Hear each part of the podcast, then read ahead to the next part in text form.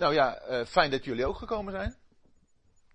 En ik vind het best een beetje spannend in de zin van, uh, ja, of er nou een paar zijn of een hele zaal vol. Het onderwerp is een belangrijk en ook een boeiend onderwerp. En ik stel voor dat we eerst een, uh, we zullen veel lezen uit de Bijbel vanavond. Maar dat we beginnen met Genesis 2, vers 18.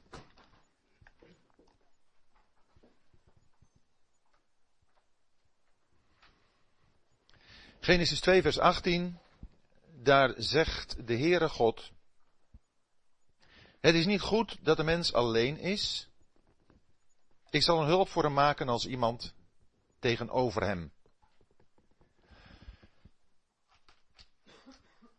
De mens is geschapen om een relatie te onderhouden. God is de God van relaties. En mensen kunnen ook pas goed functioneren als ze in een relatie staan. Dat staat nog even los van wat voor soort relatie. Dat eh, gaat hier natuurlijk over de huwelijksrelatie. Maar ook in algemene zin, en dat vinden we in het boek Prediker, Prediker 4, vers 9 zegt, dat twee zijn beter dan één. En dat wordt wel vaak toegepast op het huwelijk, maar het is heel belangrijk dat ook als een zelfstandig gegeven te accepteren. Als een mens zonder relaties opgroeit, wordt het een onmens. En dat zien we in deze tijd van digitalisering. Meer en meer dat mensen zich helemaal terugtrekken op een kamertje en dan via internet allerlei contacten leggen. Maar de mens blijft daarbij zonder een echte relatie. Een levende relatie. En de producten daarvan vinden we steeds duidelijker om ons heen in een verharding die uh, ja, hand over hand toeneemt. Waarbij de natuurlijke gevoelens, de natuurlijke liefde steeds meer verdwijnt. Als het gaat om relaties van mensen onderling, dan kunnen die relaties pas goed zijn als er de relatie met God in orde is. De mens leeft in een relatie met God zodra hij de Heer Jezus heeft leren kennen. Dat betekent dat hij eerst gezien heeft dat hij een zondaar is. Dat hij zonder God, en dan kan hij misschien een heleboel vrienden hebben en een heleboel andere relaties, maar zonder God ook niet in staat is om een goede relatie te hebben met anderen. Niet in het huwelijk, niet in vriendschappelijke omgang. En ik zeg niet dat er geen goede huwelijken zijn uh, tussen ongelovigen, maar de ware relatie de basis van de echte relatie is er dan niet. Dus waar moeten we beginnen? Dat is met, hoe is mijn relatie met God? Hoe is mijn relatie met de Heer Jezus? Heb ik Hem leren kennen als degene die voor mijn zonden wilde sterven? Dat betekent, ik moet me bewust zijn dat ik een zondaar ben. Dat ik verduisterd ben in mijn verstand. Dat ik mijn eigen leven leef. Dat ik in de duisternis leef. En dat ik op weg ben naar de hel. En wanneer dat gaat doordringen, dan gaat iemand zijn zonden beleiden. En dan gaat hij zien, ja, wat er moet gebeuren is dat ik een relatie met God krijg. Een levende relatie met God. Door het geloof in de Heer Jezus. En dan ga je ook de waarde van relaties tussen mensen onderling ga je waarderen. Op de goede manier ook bezien. Dat betekent dat je er voor de ander zijn. Want wat is nu de waarde, de kracht van een goede relatie? Dat is niet wat de ander voor mij is, maar wat ik voor de ander ben. En dat staat even los van het huwelijk zelfs. In het huwelijk wordt het dan op een bijzondere manier wordt het beleefd. Maar in het algemeen is het voor een mens belangrijk dat hij weet, ik ben door God gekend. Door Hem geaccepteerd dan krijg je ook nog een beetje het, uh, het zoeken ook wel naar waar gaat het in mijn leven om? Ik, ik wil graag een relatie met God, ik wil een goede relatie met mensen, maar soms kunnen daar wel eens wat problemen in de gevoelens ontstaan. Van, in mijn leven loopt het niet zo lekker, het gaat toch niet helemaal zoals ik gewenst heb. Maar hoe, hoe denkt God nu over mij? En dat is nou machtig mooi, denk ik, om ook als, als uh, begin van deze avond te zeggen. God wil met ieder mens een relatie. En je laten voelen, je, je bewust laten worden van het feit dat Hij jou wil. En dat Hij een plan met je leven heeft. God die heeft niet jou toevallig hier in deze wereld geplaatst. God die heeft een plan met je leven. En die, uh, dat, dat besef, dat bewustzijn, dat gaat dan ook inhoud in je leven krijgen. Dat gaat een, uh, een bijzondere betekenis krijgen. Gods plan met je leven. En Gods plan met je leven is dat je er bent in de eerste plaats voor Hem en in de, in de tweede plaats voor die ander. Om het met de gelijkenis die de Heer Jezus uitspreekt van de barmhartige Samaritaan uh, te zeggen. Niet wie is mijn naaste, maar voor wie kan ik de naaste zijn. En dat geeft je leven kleur. Dat geeft je leven inhoud. Dat maakt dat je leven belangrijk is voor God, maar ook voor de ander. Wie die ander dan ook maar mag zijn. Maar we willen vanavond toch vanuit die gedachte dat God een, een, een plan heeft met je leven, dat, dat God jou ook heeft geaccepteerd en dat je ook mag weten, maar God die heeft een plan met mijn leven. Willen we toch speciaal gaan kijken naar dat bijzondere aspect van het huwelijk. Want dat staat onder druk. En waarom staat het onder druk? En ik denk dat het belangrijk is om dan eerst te gaan kijken naar wat is nu een huwelijk? Waarom is het huwelijk zo belangrijk en waarom staat het zo onder druk? Het is omdat God in het huwelijk wil laten zien wat er in zijn hart is ten aanzien van Christus en de gemeente. En dan gaan we nu kijken naar Genesis 2 in de volgende versen. In Genesis 2 vers 22. Vers 21. Toen liet de Heere God een diepe slaap op Adam vallen, zodat hij in slaap viel. En nam een van zijn ribben en sloot de plaats ervan toe met vlees. En de Heere God bouwde de rib die hij uit Adam genomen had tot een vrouw. En hij bracht haar bij Adam. Toen zei Adam, dit is ditmaal been van mijn beenderen en vlees van mijn vlees. Deze zal manin genoemd worden, want uit een man is zij genomen. Daarom zal een man zijn vader en zijn moeder verlaten en zich aan zijn vrouw hechten en ze zullen tot één vlees zijn. En ze waren beiden naakt, Adam en zijn vrouw, maar zij schaamden zich niet voor elkaar. En uh, in dit plan wat God heeft en wat hij uitvoert, daarin heeft hij ontdekt dat Adam zich alleen voelde. En hij gaat voor Adam een vrouw maken. Uit Adam. Hij zegt niet, uh, ja Adam je bent alleen, ik, ik maak een vrouw uit jou en die geef ik jou. En kijk maar eens hoe het bevalt. En uh, bevalt het niet, dan maak ik een andere. Probeer het eens een tijdje uit. Nee, God heeft deze uh, schepping, deze vrouw uit Adam, aan Adam gegeven, opdat zij werkelijk die eenheid zouden vormen die hem voor de aandacht stond.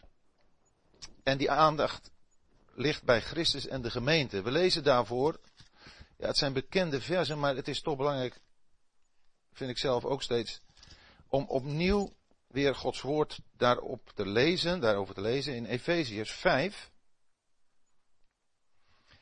in vers 9, vers 30. Want wij zijn leden van zijn lichaam, van Christus lichaam. Van zijn vlees en van zijn gebeente. Daarom zal een man zijn vader en zijn moeder verlaten en zijn vrouw aanhangen. En die twee zullen tot één vlees zijn.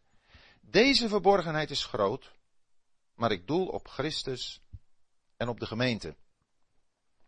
God heeft het huwelijk ingesteld hebben het gelezen, Genesis 2, dat is voor de zondeval. God is de bedenker van het huwelijk. En God heeft daarmee bedoeld dat hij op aarde een uitdrukking in het huwelijk, in elk huwelijk wil zien, van de eenheid die er is tussen Christus en de gemeente. Het huwelijk als zodanig is een instelling van God. En ik ga nu naar de derde plaats toe, die we in, het, uh, in de Bijbel hebben, waar over deze eenheid gesproken wordt. En dat is in Matthäus 19, waar we lezen, als daar mensen bij de Heer Jezus komen om hem te verzoeken, waar we lezen dat de Heer Jezus zegt in Matthäus 19,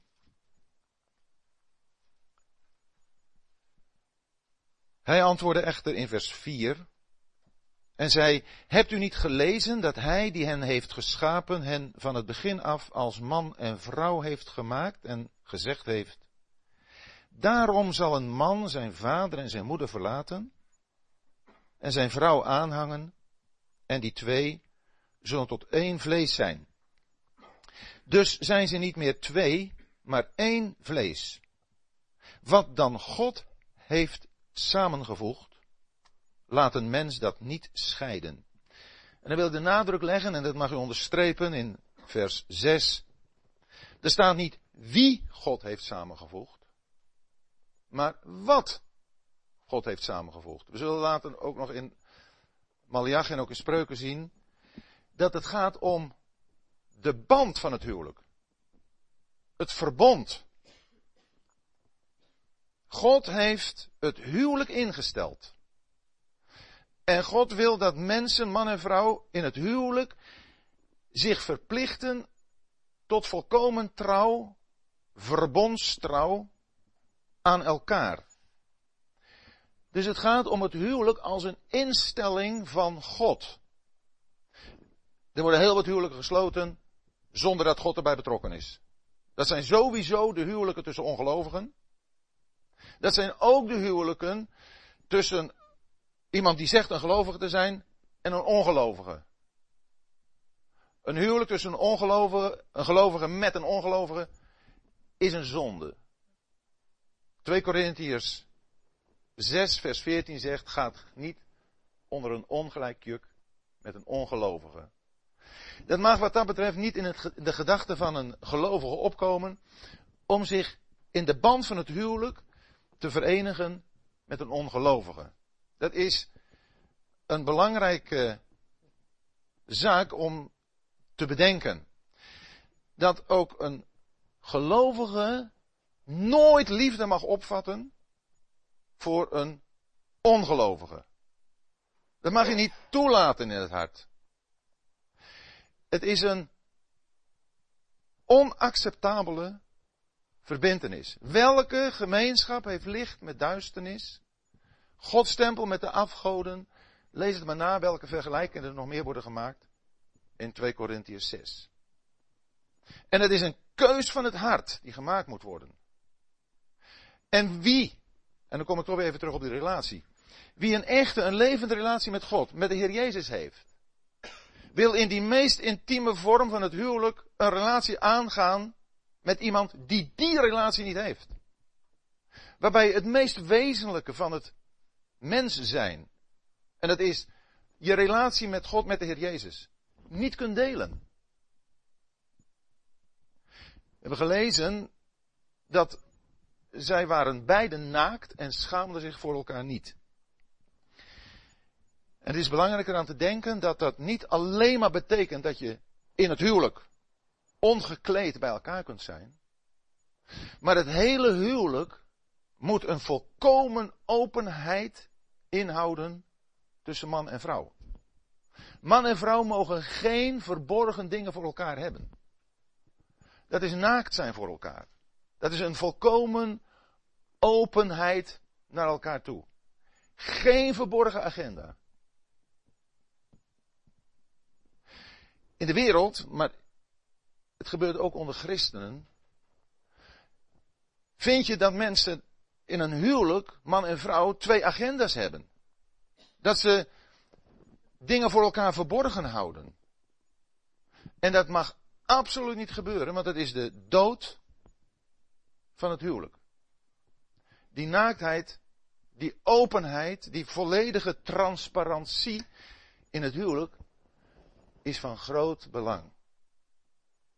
Daarom is het noodzakelijk dat man en vrouw beiden in een open relatie met God, met de Heer Jezus leven. De band van het huwelijk, die ligt daar. Die is door God gegeven. En ook als twee mensen die ongelovig zijn met elkaar trouwen, dan beantwoorden ze daarmee aan Gods bedoeling als het gaat om het huwelijk. En een huwelijk, dat kan, dat is nu niet het thema, ik zeg het alleen eventjes. Het huwelijk kan niet verbroken worden, alleen door de dood. Dus een huwelijk blijft in stand zolang man en vrouw leven. Wat, wat man en vrouw ook verder voor geks doen, het huwelijk dat eens gesloten is, blijft bestaan. Echtscheiding is geen optie. Wat er ook gebeurt. Die eenheid, die band, dat wat God heeft samengevoegd, is niet te scheiden. En daarom is het goed om te kijken naar de volgorde die God geeft als hij het huwelijk instelt. We gaan even terug naar Genesis 2, in vers 24.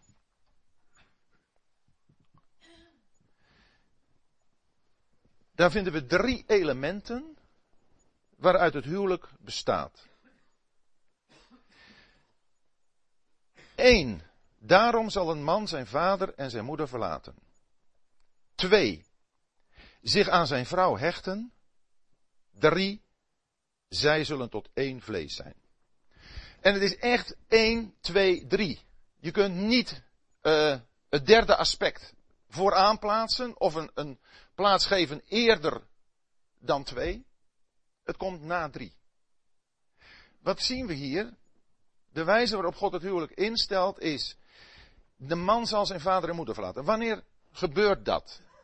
Dat gebeurt vanaf het moment dat een man liefde opvat voor een vrouw en waarvan hij vermoedt, misschien zelfs zekerheid heeft, dit is de vrouw die God voor mij heeft. Tot dat moment hoort hij nog bij zijn ouders thuis. Valt hij nog onder hun verantwoordelijkheid? Bespreekt hij dingen met hen? En is hij nog wat jonger, is hij ook nog natuurlijk ook aan hen gehoorzaam. In de zin van uh, ja, dat je moet luisteren. Daarna krijgt dat meer het karakter van overleg, van, van raad vragen en, en raad geven.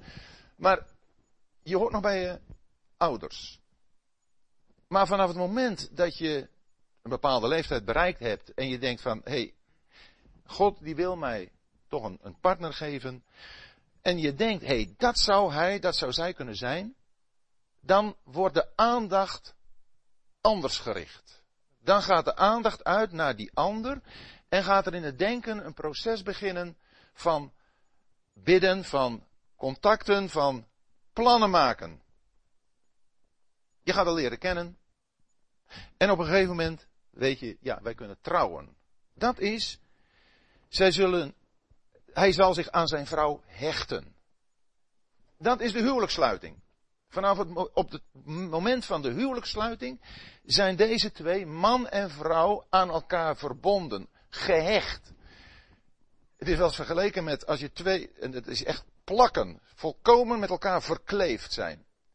Als je twee papieren uh, aan elkaar plakt, dan vormen die een eenheid. Probeer je die te scheuren, weer van elkaar af te halen, dan scheur je ze allebei. En dat is met het huwelijk het geval. Dat is, ze zijn aan elkaar gehecht. Dat gebeurt in Nederland nog steeds ten overstaan van de ambtenaar van de burgerlijke stand. Zou dat helemaal verdwijnen, dan kan het in de gemeente gebeuren, de gemeente van God. Maar dat er een openlijke erkenning is naar iedereen die het maar wil horen. En, en ja, wie wil dat niet aan de, van de daken schreeuwen? Ik, ik heb hem, ik heb haar gevonden die, met hem, met haar ga ik mijn leven verder door. God heeft ons bij elkaar gebracht. En dan geef je vanaf dat moment die openlijke, dat openlijke getuigenis.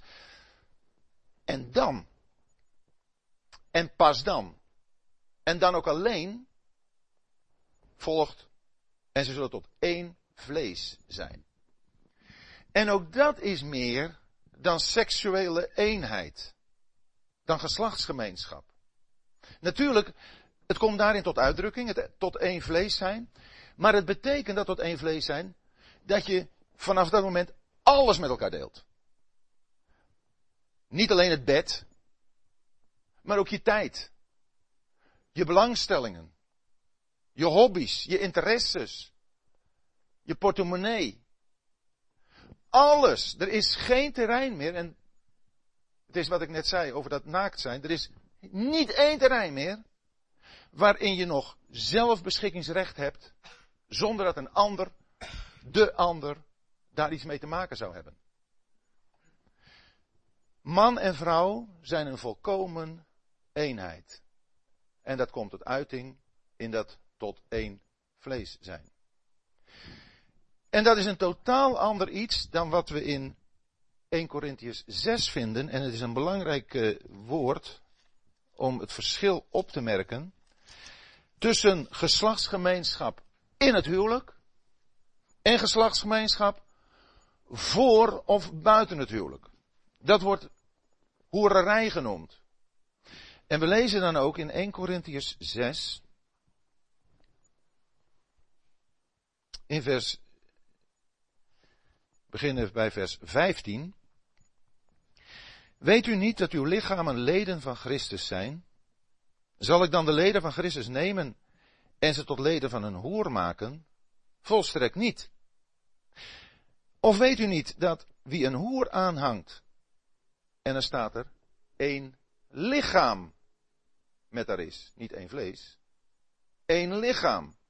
En dan volgt er, hoe God het bedoeld heeft, want die twee, zegt hij, zullen tot één vlees zijn.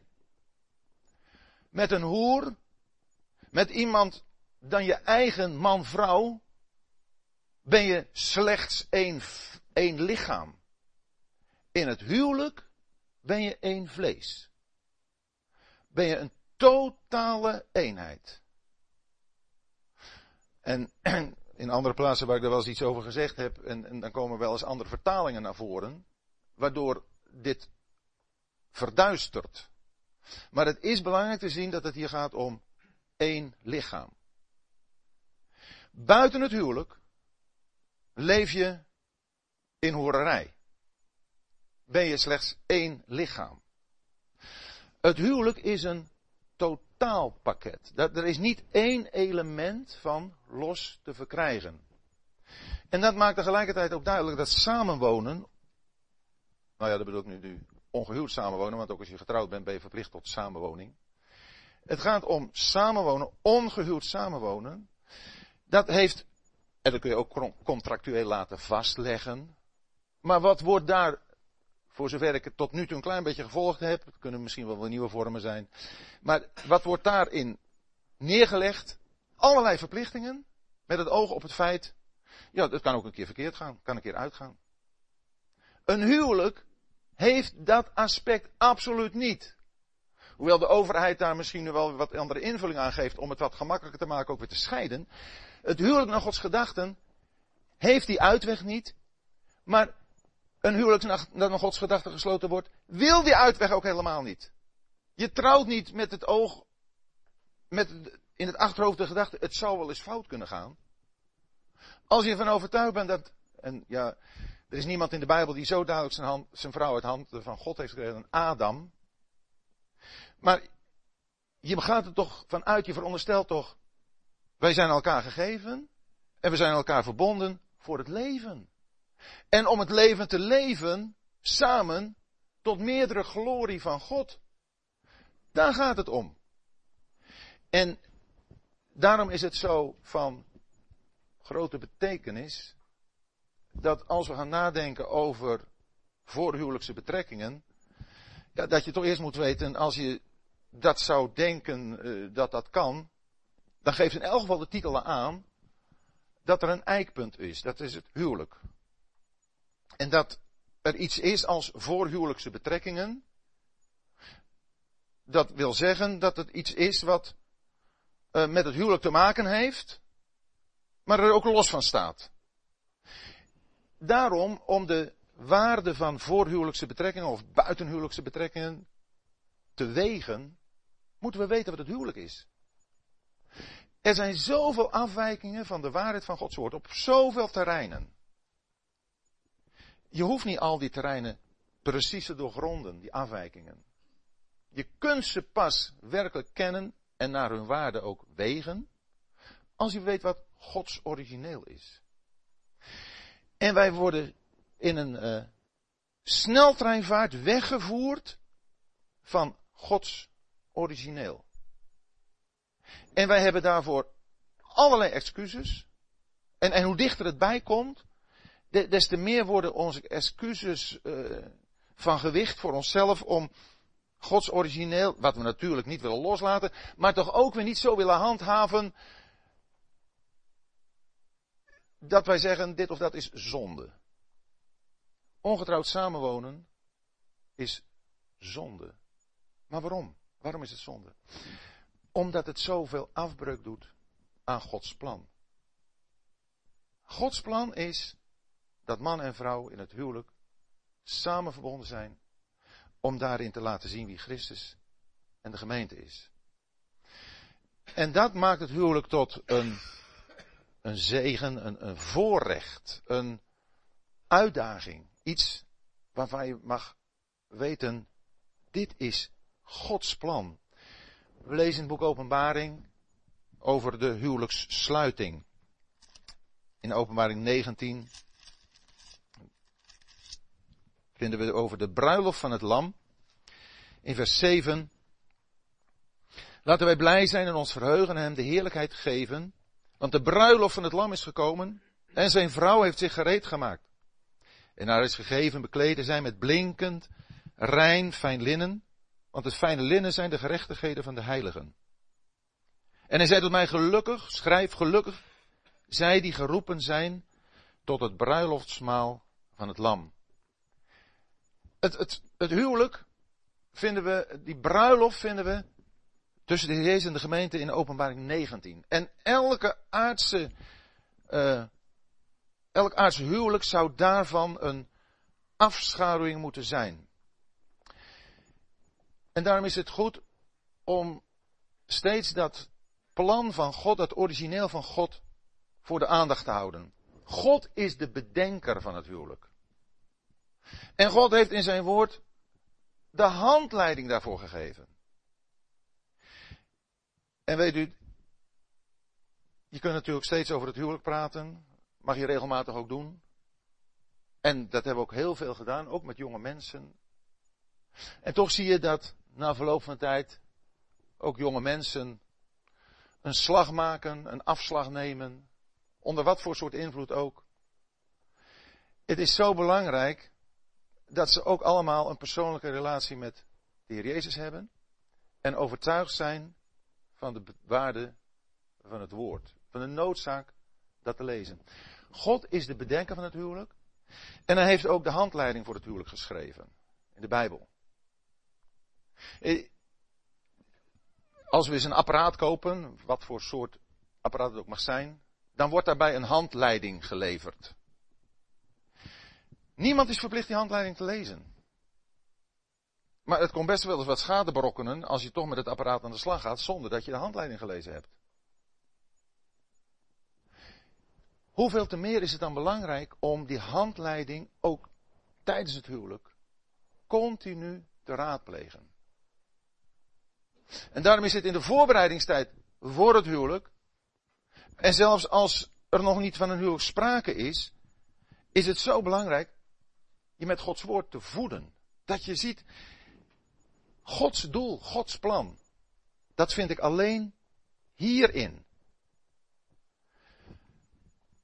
Gods plan met het huwelijk, zoals gezegd is, dat het een afbeelding zal zijn van Christus en de gemeente. En nu, nu de rol van de ouders. Wij kunnen natuurlijk een heleboel zeggen over, over kinderen die, die dit of dat doen. Maar het is belangrijk dat we erover nadenken wat de rol van ouders is. Zowel in adviserende zin, als ook als voorbeeld. En misschien kan ik daarbij zeggen dat het niet alleen maar de lichamelijke, de biologische ouders zijn, maar ook de ouderen in de gemeente. de echtparen in de gemeente. Wat, wat laten wij zien? En wat vertellen wij onze jonge mensen? Ik ben de laatste tijd eh, nogal eh, onder de indruk gekomen van het boek Spreuken. En in Spreuken, daar hoor je regelmatig de vader spreken. En vooral in de eerste hoofdstukken, hoofdstukken 1 tot en met 9, spreekt hij veel over seksualiteit. Een derde van die uh, hoofdstukken gaat daarover. In hoofdstuk 1 spreekt hij eerst, mijn zoon, zegt hij dan, mijn zoon, over het gevaar van geweld. De groepsdruk. Van, jongen, als ze willen komen en jou willen verleiden tot, bewillig niet. En hij schildert de manier waarop deze jonge lui komen tot hem om, om hem te verleiden, om mee te gaan in een, een weg, mee te gaan op een pad, wat uh, de belofte inhoudt van snel rijk zijn. We zullen onze huizen vullen met, met de buit. En, en jij krijgt ook je deel. Wat mooi is, is dat hij begint met mijn zoon. Daar zie je die betrokkenheid in. Daar zie je die genegenheid in. Jij bent mijn zoon. Jij bent van mij. Je bent mijn zoon. En ik wil graag met jou een gesprek hebben. En ja, misschien dat het een van de aspecten is die, uh, die sommigen nog eens moeten overdenken. Maar het is belangrijk om zo af en toe eens een PG met je kind te hebben. Een persoonlijk gesprek. En daar is over te praten over dingen die, die er zijn, die er kunnen leven. Maar vooral die je als ouderen al hebt meegemaakt. Of ook hebt gezien. Salomo, hij spreekt of uit ervaring, persoonlijke ervaring, of uit waarneming. Hij heeft zijn ogen heel goed open gehad.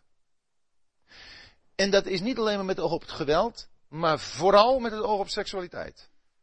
Want met het oog op seksualiteit waarschuwt hij zijn zoon indringend. En als je hoofdstuk 7 leest, dan beschrijft hij een situatie waarin een jonge man ziet die steeds verder de weg van die hem naar de hoer toe voert gaat. En hij beschrijft de gevoelens van die jonge man. Hij beschrijft hoe die vrouw hem inpalmt. Hij beschrijft hoe die jongen als een os wordt gevoerd op een weg naar de dood. Dat betekent deze vader, deze Salomo, die was zich bewust van de wereld waarin hij leefde. En ja, als je dat zo leest, dan is die wereld precies dezelfde als vandaag de dag. En wij, ouderen, we moeten onze kinderen waarschuwen voor pornografie. Dat ze niet op die sites zullen gaan. Wij moeten onze kinderen waarschuwen voor allerlei soorten verleiding die er kunnen zijn. En, en hebben wij nog zelf die overtuiging dat het werkelijk dodelijk is voor het geestelijk welzijn van onze kinderen. Dat zij, wanneer zij daarmee bezig gaan, hun geestelijk leven in de vernieling gaat. Het is de weg van de dood. Het is niet leuk om het eens even te proberen. En we mogen dat, en we moeten dat onze kinderen voorhouden. En daarom is het zo belangrijk dat wij onze kinderen daarover ja, niet informeren, zelfs niet eens adviseren, maar dat werkelijk overtuigend zeggen, jongen, meisje, dit moet je nooit doen. En natuurlijk moeten kinderen dan uiteindelijk zelf hun keuzes maken. Maar hebben wij als ouders nog een overtuiging? Leven wij het ze voor? En onze kinderen weten best dat wij niet perfect zijn. Salomo, die wist wel dat David overspel gepleegd had. Hij wist wel dat zijn vader ook een zonder was. Maar Salomo heeft ook het berouw van zijn vader gezien, gekend. En zodra er berouw is, is er geen verwijt meer. Salomo haalt, als je dat leest in Spreuken 4, ook aan hoe hij zelf als een kind bij zijn vader, David, was en van David onderwijs kreeg. Dit onderwijs moet van geslacht op geslacht. We hebben iets door te geven. We hebben onze jonge mensen iets te vertellen. En we kunnen onze jonge mensen wat dat betreft niets kwalijk nemen. In uh, spreuken gaat het over de onverstandige en over de jongeling. Ja, de onverstandige is de domkop. Je hebt ook de spotter en de dwaas, maar ik beperk me even tot deze twee. De onverstandige is de domkop, die denkt niet na. De jongeling is de onervarene. Jonge mensen hebben geen ervaring, kunnen ze niet helpen. En als ze denken dat ze het wel hebben, kunnen ze het ook niet helpen. Maar dan moeten wij ons realiseren dat wij precies zo waren toen we jong waren. Maar we hebben wel de opdracht om het onze jonge mensen te vertellen. Ook wel van onze tekorten, van ons falen daarin. Maar dat wij gefaald hebben, ontslaat ons niet van de verplichting om het onze jonge mensen mee te delen. Het is zo belangrijk dat we dit de generaties door verder geven. Het huwelijk is een verbond. En ik las uh, vanmorgen toen ik er nog een beetje over nadacht. In Malachi. Een paar versen. Die me ineens wat troffen. Ik heb het ook wel vaker gelezen, maar. In het boek Malachi. Daar vinden we in hoofdstuk 2.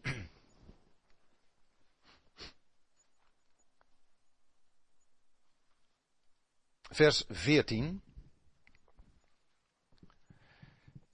Dan zegt u waarom?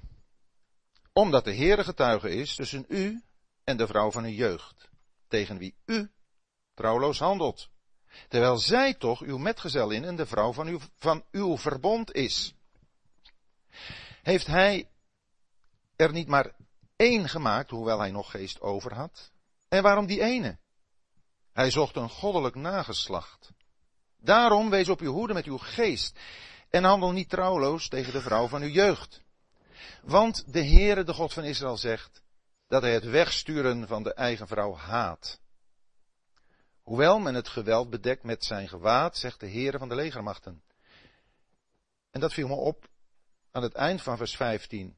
Daarom wees op uw hoede met uw geest. En aan het eind van vers 16. Wees dus op uw hoede met uw geest en handel niet trouweloos. Waar gaat het om? Het gaat om ons denken. Het gaat om onze geest. In de tweede brief die Paulus aan, aan Timotheus schrijft, dat is de laatste brief uh, die Paulus geschreven heeft. Aan het eind daarvan, in het laatste vers, zegt hij, de Heer Jezus Christus zijn met uw geest. Ons denken wordt beïnvloed. Het is zo belangrijk dat wij op onze hoede zijn met onze geest. Wat nemen wij tot ons? Wat zien wij? Hoe waarderen wij dat? Alles wat er in de maatschappij om ons heen gebeurt, toetsen we dat aan het woord van God. Dat is de uitdaging nu. En dat betekent het ook dat je heel vaak alleen komt te staan. Dat mensen je niet begrijpen, dat mensen je voor gek verklaren zelfs, als je de eenvoudige bewoordingen van het woord van God volgt. God wenst trouw. Die trouw aan de metgezellin en de vrouw van uw verbond. Dat woord uw verbond, daarover spreekt Salomo ook tot zijn zoon in ditzelfde verband in Spreuken hoofdstuk 2. Daar zegt hij in Spreuken 2 vers 16, om je te redden van de vreemde vrouw, de onbekende die met haar woorden vlijt, die de leidsman van haar jeugd verlaat en het verbond van haar God vergeet. Het is het verbond van God en het verbond tussen twee mensen. Salomo zegt, de vreemde vrouw. En de vreemde vrouw, dat is iedere vrouw die niet mijn vrouw is. Dat is de vreemde vrouw. Dat is de vrouw die mij vreemd moet zijn. Waar geen enkele liefde voor mag opvatten. Het gaat niet om broeder- en zusterliefde. Het gaat om seksuele liefde. Om begeerten. Van de Heer Jezus gezegd heeft, als je een vrouw aanziet om haar te begeren, heb je al overspel met haar gepleegd in je hart. Dat zegt hij tegen mannen. Dat is het gevaar van mannen. En dat is, dan worden we ontrouw aan de vrouw van onze jeugd.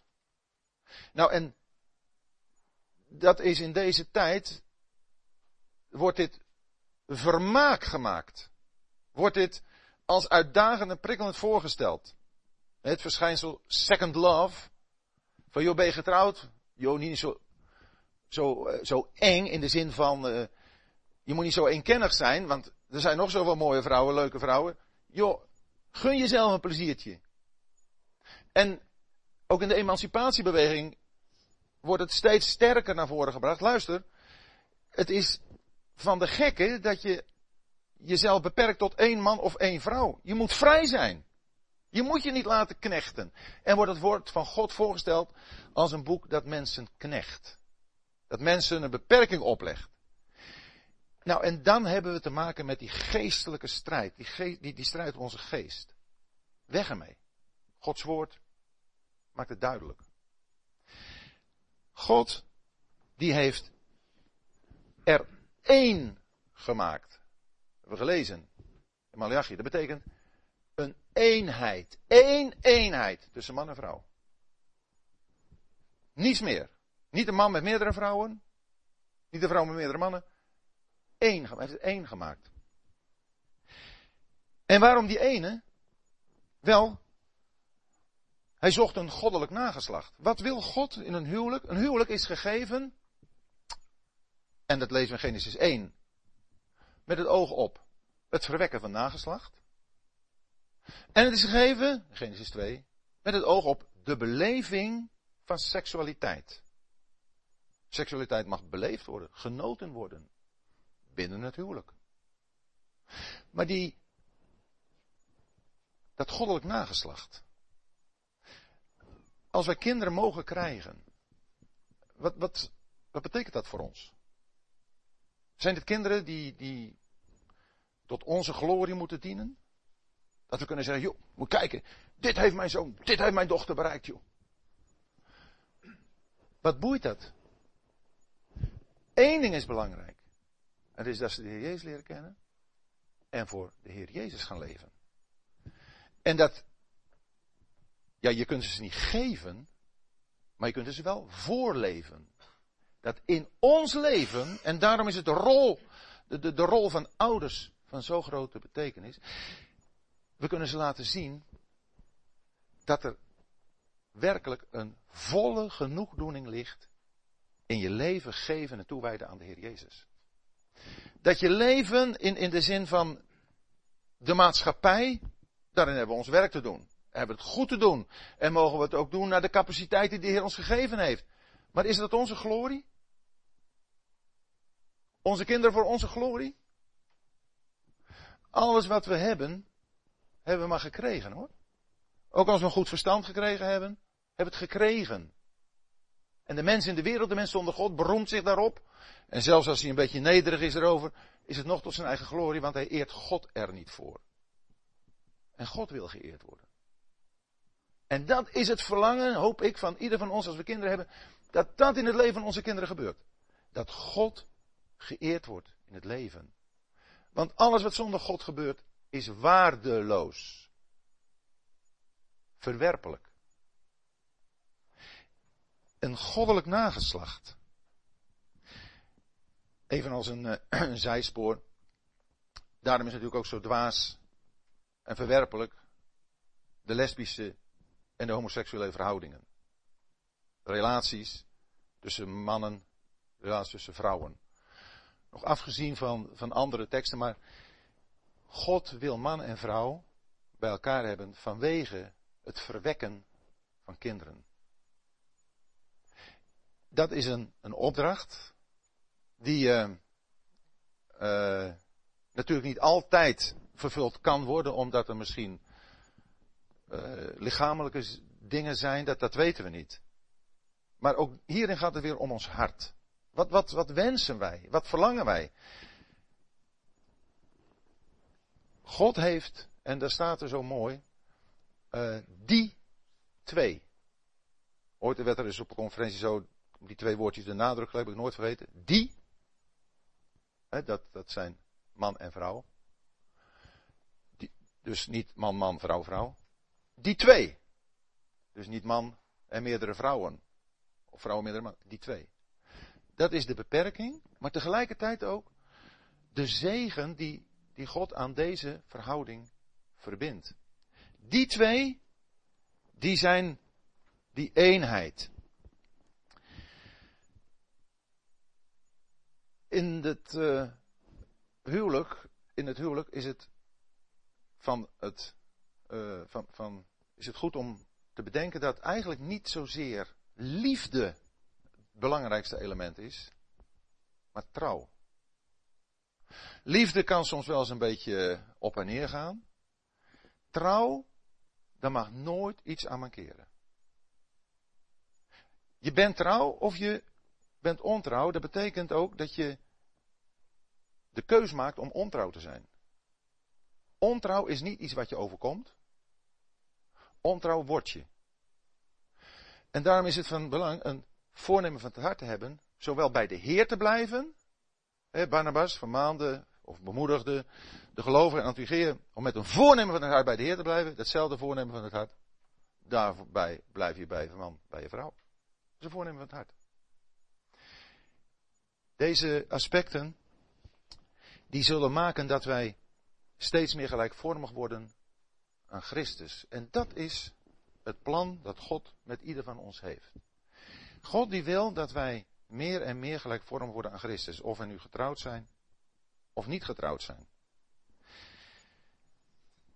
Op welke wijze kun je nu je partner ontmoeten, ontdekken? In uh, Genesis 24 vinden we een, een voorbeeld.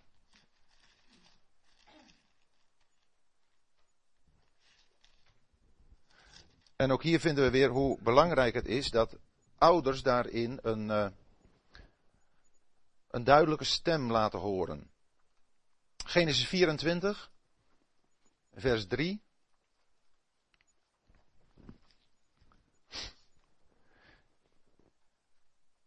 Ik wil u laten zweren bij de Heere, de God van de hemel en de God van de aarde.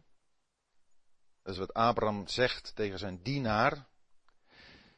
Dat u voor mijn zoon geen vrouw zult nemen uit de dochters van de Canaanieten, te midden van wie ik woon. Maar dat u naar mijn vaderland en mijn familiekring gaat om voor mijn zoon Isaac een vrouw te nemen. En dan, we kennen de geschiedenis verder, dat de knecht gaat op weg en hij ontmoet Rebecca bij de bron. De toepassing is gemaakt en ik kan me daar alleen maar van harte bij aansluiten. Dat de ontmoeting tussen uh, de knecht in dit geval en Rebecca plaatsvindt bij een waterput. En de toepassing mogen we toch wel maken dat waar kunnen jonge mensen nu elkaar op een goede manier ontmoeten? Dat is rondom het woord. Dat is op, op, op conferenties, dat is op allerlei uh, gelegenheden. Ook als er voor jonge lui uh, conferenties worden georganiseerd. En dan kun je wel zeggen, jongen luister, dat zijn huwelijksmarkten. Ja, maar waar wil je dan dat ze elkaar ontmoeten? In de kroeg? Laten we ook uh, situaties creëren waarin jonge lui elkaar kunnen ontmoeten. En dat wij ook aan onze kinderen, ook in de onderlinge contacten, de gesprekken thuis, kunnen zeggen, maar luister, vat nooit liefde op voor een ongelovige. Het moet iemand zijn die een kind van God is. In 1 Corinthians 7, een heel hoofdstuk waar Paulus spreekt over uh, getrouwd zijn, ongetrouwd zijn. En ook de mogelijkheid van hertrouw in geval de, uh, de een, van de huwelijkspartners gestorven is. Dan zegt hij, dit is goed om te trouwen, mits in de Heer. Dat is daar een specifiek geval als het gaat om hertrouw. Maar het is natuurlijk ook duidelijk van toepassing op het huwelijk in zijn algemeenheid. Alleen in de Heer kan er getrouwd worden. Dat wil zeggen, in de sfeer van de Heer, eh, ge, geleid door Hem, waar, waarin Hij de besturing heeft. Dat is een belangrijk aspect. Waar laten we onze kinderen naartoe gaan? Wat staan wij hen toe? Willen wij ze, uh, waar, waar nemen wij ze naartoe? Mee naartoe? En het gaat er helemaal niet om dat je niet eens een uitje mag hebben of zo. Maar, maar daarin zie ik weer zo'n belangrijke rol voor de ouders weggelegd? Wat, wat gunnen wij onze kinderen? En het kan best zijn dat het nu in de christenheid allemaal heel, heel moeilijk is. Maar als wij bidden, dan geeft de Heer mogelijkheden. Want de Heer is niet verlegen met mogelijkheden. Alleen denk ik dat wij nieuwe uitdagingen moeten zien, mogen zien, mogen ontdekken. Waar wij onze kinderen, en dat kunnen we dan voor onze kleinkinderen als we die hebben, voor hen bidden, dat onze kinderen de wijsheid hebben. En ook het, verlangen om, om hun kinderen daar naartoe te brengen. Maar dat zij nieuwe uitdagingen zien om in contact te komen met, met geloven, met kinderen van God. Zo mogen wij een voorbeeld nemen hier aan wat Abraham tegen de knecht zegt. Is dan ook de datingsite een, uh, een optie? Ja goed, die, uh, toen ik die vraag zo zag op de, de uitnodiging, heb ik daarna eens wat uh, gepolst hier en daar. En ja, er zijn voorbeelden die, die aangeven, maar luister, daar, en daar is het goed gegaan. Je hebt christelijke dating sites. En je hebt niet-christelijke dating sites. We gaan er nou vanuit dat een christen zich aanmeldt bij een christelijke dating site. Een opmerking gemaakt is van, ja, eigenlijk als je dat gaat doen, dan, dan ben je toch wel een beetje, eigenlijk, het is de noodsprong. Maar goed, dat, dat is uh, misschien ook een, uh, een insteek. Maar waar gaat het om als je een dating site gaat bezoeken? Dan gaat het om of je matcht. Match je met elkaar, hè, zo noemen ze dat dan. En dan ga je kijken, uh, je hebt dan een aantal opties. Laten we even bij een uh, leeftijdscategorie, hè, waar jij je dan uh, op wilt richten, beperken. Nou ja, dan zie je daar iemand van, de, van het andere geslacht uiteraard. En dan zie je, zijn hobby is paardrijden. Jongen, dat is leuk zeg, Doe, hou ik ook van.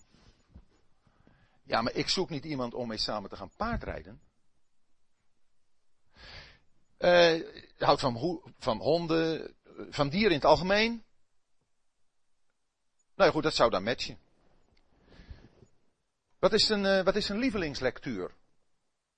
Nou, dan kun je al iets meer achterkomen van wat, wat iemand een beetje geestelijk bezighoudt. Ja, en als er dan ook nog bij staat dat hij uh, echt van de Heer Jezus houdt. En ja, ook, ook de Bijbel, dat hij daarin leest. En, en, nou, dan zou je toch vlug geneigd zijn. Dat, dat sluit allemaal aan. Nou, ik kan in elk geval zeggen dat als, als mijn vrouw en ik elkaar via een, uh, een datingsite hadden moeten ontmoeten, hadden we elkaar nooit gekregen. Want er waren zo ontzettend weinig dingen die echt matchten. Later is dat steeds meer gekomen. In de zin ook, en dat werd voor mij een belangrijk aspect om daarover na te denken. In de zin ook, waar gaat het in het huwelijk om? Dat is dat je een aanvulling bent op elkaar. Je vult elkaar aan, juist in de dingen die je zelf niet hebt. En dan is het mooi om te ontdekken, dus als je op een datingssite gaat, dan moet je eigenlijk op zoek gaan naar dingen daar je helemaal niet van houdt. Dan zou je best eens een, uh, een goede match kunnen maken. Wat doe je als je op een datingsite gaat? Uiteindelijk, ik zeg het een beetje vragend, maar je plaatst jezelf toch een beetje in een showroom. je, wat jij van een ander zou willen weten, ja, daar mag toch van verwacht worden dat jij dat ook publiekelijk naar voren brengt. Maar dan ja, gaan anderen jou bekijken. En uh, ja, de een ziet jou en die swipet je, heet dat hè, naar links, omdat hij je niks vindt. En een ander die swipet je naar rechts, omdat hij dan vindt dat jij bij de categorie hoort van, nou, daar kunnen we misschien wel eens wat mee. En nu zeg ik het een klein beetje, beetje onpopulair, want degene bij wie het goed gegaan is, die hebben er ook voor gebeden. Er wordt ook voor gebeden. Maar uiteindelijk zul je toch moeten beseffen dat je jezelf presenteert, dat het toch niet iets is um, ja, waarbij je op iemand persoonlijk richt, concreet voor iemand bidt. Wat je als je in een groep bent, ook met vrienden, een vriendengroep, wel kunt gaan doen. Dan kan iemand ineens je gaan opvallen en dan ga je voor iemand bidden. Dan heb je iemand gadegeslagen, je hebt iemand gezien in zijn gedragingen, je hebt iemand gehoord in zijn uitingen. Kan op allerlei terreinen zijn. Maar dan is daar dat persoonlijke contact. En nogmaals, de Heer kan ook vandaag dingen gebruiken waarvan ik zeg, joh, dat niks voor mij. Dus we kunnen daar niet een absoluut ja of nee of een verbod op geven. Het zou kunnen. Maar ik denk dat de hogere weg toch is het vertrouwen op God. De relatie met Hem, die zich weer spiegelt in de relatie met anderen. Iemand die, uh, ja, die, die is gelukkig getrouwd. Ik bedoel, uh, gelukkig in zijn huwelijk. Die, uh, daar hoorde ik van. Hij zei, ik wou toch wel dat het te vroeger geweest was. Want ik woonde alleen, helemaal ergens op nergens. En dan had ik het toch wel handig gevonden als ik via internet eens wat mensen zou kunnen bereiken. Ja goed, ik noem het om een beetje proberen evenwicht te geven, maar tegelijkertijd om duidelijk te maken dat het uitzonderingen zijn. Het zijn uit, God kan deze dingen gebruiken. Maar het zijn uitzonderingen, want de normale weg is dat twee mensen elkaar ontmoeten, dat ze elkaar leren kennen, dat ze elkaar kunnen gadeslaan in de persoonlijke sfeer, in het persoonlijke contact, in de levende realiteit. Want wat is de realiteit vandaag? Dat is de digitale realiteit. En dat is een schijnrealiteit. En dan hoeven wij als ouderen niet alles te weten, alle ins en outs van wat er allemaal in de computer mogelijk is. Ook hierin gaat het weer kunnen wij onze kinderen, kunnen wij onze kleinkinderen iets vertellen over hoe ons leven met de Heer is? Zien ze dat aan ons? Dan hoef je niet van allerlei op de hoogte te zijn. Maar wacht je aanvoelen, joh, de Bijbel is zo belangrijk als het gaat om relaties. En wees dan op die plaatsen waar je jongeren kunt ontmoeten met hetzelfde doel om je met het woord bezig te houden. Ook om gewoon gezellige dingen te doen. Er zijn kampen, er zijn jeugdbijeenkomsten zoals gezegd. Maar dat je ze daar naartoe kunt uh, brengen, daar naartoe kunt begeleiden. Die uh, mogelijkheden van waar vind ik mijn partner, die zijn voor ieder verschillend. Voor iedereen. En we kunnen bidden dat uh, de Heer met ieder van ons de weg kan gaan die Hij heeft. Dat we ons voegen naar Zijn wil. En dan is het uh, ja toch het geestelijk leven waar het op aankomt. Kan ik accepteren dat Gods plan met mijn leven een beetje anders is dan ik had gehoopt? Dat kan. En dat is ook helemaal niet erg. Er kunnen worstelingen zijn. Met het oog op, wat, wat wil de Heer nu? Maar die worstelingen geven ook aan dat er een verlangen is om met en voor de Heer te leven. Er kunnen vragen zijn nog, waarin nog niet alles duidelijk is. Maar de Heer wil duidelijkheid geven. Willen we dat vertrouwen? Het gaat in natuurlijk om trouw. Het, het gaat in de relatie met, met God om vertrouwen. En, en als er nu in een voorhuwelijkse relatie een situatie is dat uh, twee personen met elkaar naar bed gegaan zijn, of misschien zelfs samen wonen en dus in hoererij leven, is, is daar geen herstel mogelijk? Gelukkig wel. Gelukkig wel. God is de God van menigvuldige vergeving. Dat is zo bemoedigend. Dat zodra iemand inziet, maar ik heb gezondigd hier of daarin, of ik leef in zonde door op die manier te leven. En er komt beleidenis. Ja, dan, dan wordt er een vergeving ervaren door God. Niemand hoeft te zeggen, niemand hoeft te denken, ja, dat geval is te verschrikkelijk. Dat, dat kan geen vergeving zijn. God is de God van genade, van alle genade. We mogen daarvoor bidden. Voor allerlei situaties die, die, die we allemaal kennen. Ook in onze eigen familiekring. Maar dan mogen we daarvoor bidden. En vertrouwen dan God dat God machtig is om in die weg van zonde een keer te brengen. En als die keer er komt, dan mag die vergeving er ook zijn. Het is mij gebeurd dat een uh, ouder echtpaar naar ons toekwam om te zeggen dat zij, voordat ze getrouwd waren, geslachtsgemeenschap hebben gehad. Hadden ze nooit tegen iemand gezegd. Maar dat bleef, dat bleef toch wat knagen. En wat is het dan geweldig om te kunnen pleiten op een vergevende God. Voor wie de zonde niet verjaart, maar voor wie de zonde wel vergeven kan worden. En dat je daar samen voor kunt bidden en dat het dan echt weg is. En dat is in meerdere situaties het geval geweest. Dat niemand weet daarvan. Maar God weet het wel. En het kunnen ook bij situaties zijn die een blokkade vormen in geestelijke groei, een blokkade vormen in uh, een voorbeeld zijn. Maar ook dan is het nooit te laat om tot beleidenis te komen. De duivel wil altijd allerlei dingen naar voren brengen. Dat je zegt, ah joh, moet je niet doen joh. Dan ga je af, of dan, dan dit of dat. De duivel, die wil niet dat wij zonde beleiden. Want zonde beleidenis is het openen van de stroom van Gods genade. Waarin je gaat zwemmen. Als we onze zonde beleiden, God is getrouw en waarachtig om onze zonde te vergeven. Hij vergeeft. Hij is getrouw. Omdat hij trouw is aan zijn woord. En hij is rechtvaardig.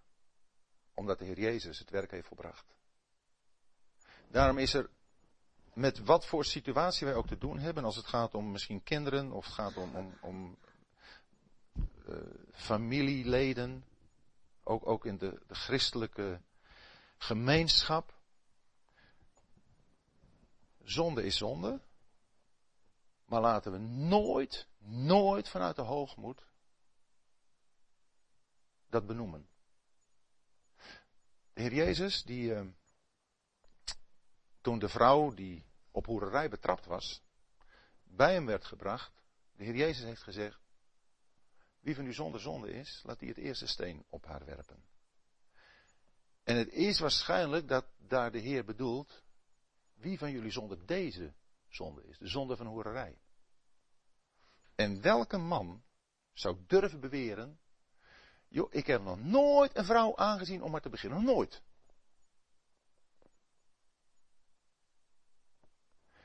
Daarom kan niemand van ons, denk ik, vanuit de hoogte ook maar iets zeggen over een zonde die gebeurd is. Maar voel je je eigen verslagenheid? Maar tegelijkertijd ook de noodzaak om de zonde te wijzen en op de vergeving. Die komt na beleidenis. We leven een tijd, open deur trap ik in, maar ik denk het telkens opnieuw toch te moeten zeggen. We leven in een tijd waarin de zonde in de seksuele sfeer door bijna alle jonge mensen, jongens, begaan wordt. De pornografie, pornografie kijken, is hoererij. Geestelijke hoererij. Dat moet beleden worden. En niet alleen maar door jonge gelovigen, maar ook door ouderen. Je mag er niet eens aan willen denken. Moet je veroordelen als er maar even iets in je op zou komen van, joh, ik zou ik het toch wel eens leuk vinden. Gewoon, gewoon hoe, hoe, hoe werkt dat nu? Daarmee zeg ik helemaal niets van jonge mensen die dat doen. Want in mijn tijd, toen ik jong was, waren er van die smerige boekjes. Dat heb ik ook moeten beleiden. Het gaat om vuiligheid, smerigheid die op ons hart aansluit. Dan moeten we heel reëel in zijn. Salomo is aan zijn zoon toe. Wij moeten het ook zijn aan onze jonge mensen toe. We zijn helemaal niks beter. Helemaal niet. Maar we weten wel dat God heilig is. En dat wij, en daar wil ik mee besluiten, ons eigen vat in eerbaarheid moeten bezitten. In 1 Thessalonicus hoofdstuk 4.